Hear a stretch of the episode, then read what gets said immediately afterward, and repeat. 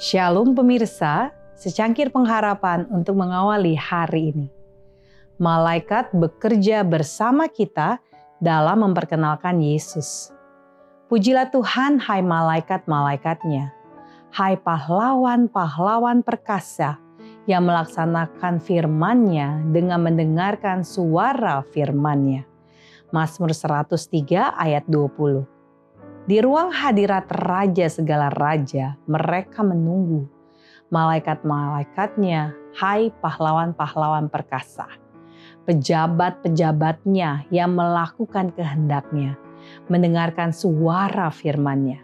Seribu kali beribu-ribu dan berlaksa kali berlaksa-laksa.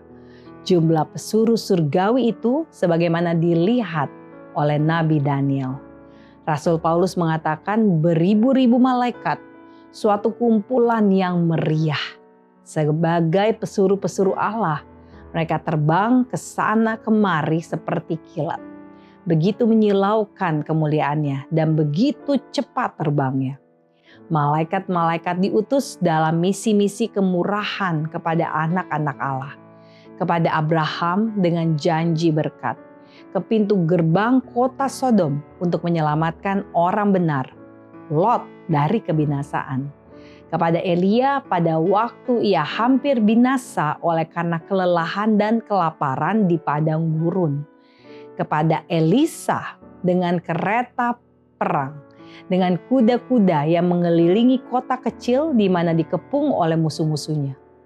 Kepada Daniel pada waktu ia memerlukan hikmat ilahi di istana raja kafir, atau waktu dibiarkan menjadi mangsa singa. Kepada Petrus yang dijatuhi hukuman mati di dalam penjara bawah tanah Herodes.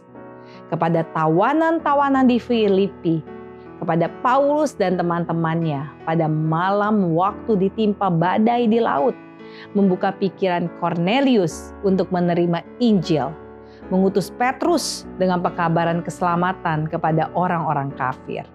Demikianlah malaikat-malaikat kudus telah melayani umat Allah sepanjang zaman. Alfa dan Omega jilid 8, halaman 537 dan 538. Demikianlah renungan kita hari ini. Selalu mulai harimu dengan secangkir pengharapan.